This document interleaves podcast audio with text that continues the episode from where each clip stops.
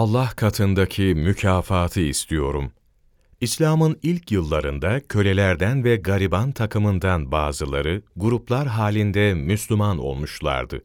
Bunlardan özellikle köleler, Müslüman oldukları için şiddetli sıkıntılar çekmekteydiler.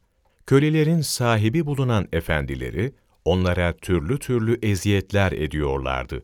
Ta ki tekrar eskiden taptıkları putlara ibadet etmeye dönsünler. Fakat bu insanlar yeni dinlerine sıkı sıkıya sarılmış bulunuyorlardı. Bundan dolayı Mekkelilerin bunlara karşı düşmanlıkları her geçen gün artmaktaydı.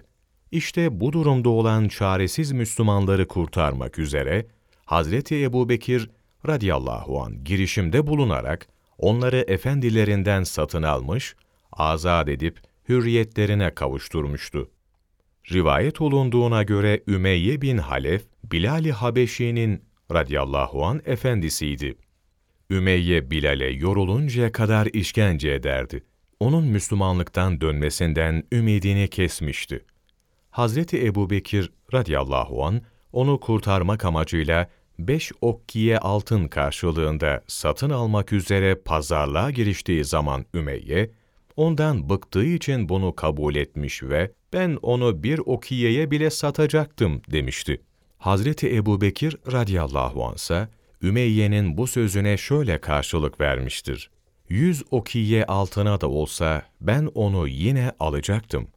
Müşriklerden bazıları bu fırsatı değerlendirerek, ellerinde bulunan kölelere karşı saldırganca davranıp işkence ederlerdi. Onların bu davranışları, kölelerin Müslüman olup, kendilerinin putperest olmasından değil, Hazreti Ebubekir'in onları kurtarmak amacıyla satın alma girişiminde bulunmasını sağlamak içindi.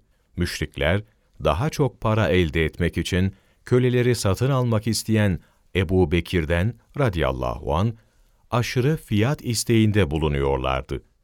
Rivayet olunduğuna göre, Hazreti Ebu Bekir radıyallahu anın babası Ebu Kuhafe, köleleri satın alıp azat etme konusunda oğluna şöyle demişti. Keşke kölelerden güçlü kuvvetli olanları satın alarak azat etseydin. Böylece onlar, sana bir kötülük erişmesine engel olurlar ve dinini güçlendirirdi. Hazreti Ebu Bekir radıyallahu an babasına şöyle cevap verdi.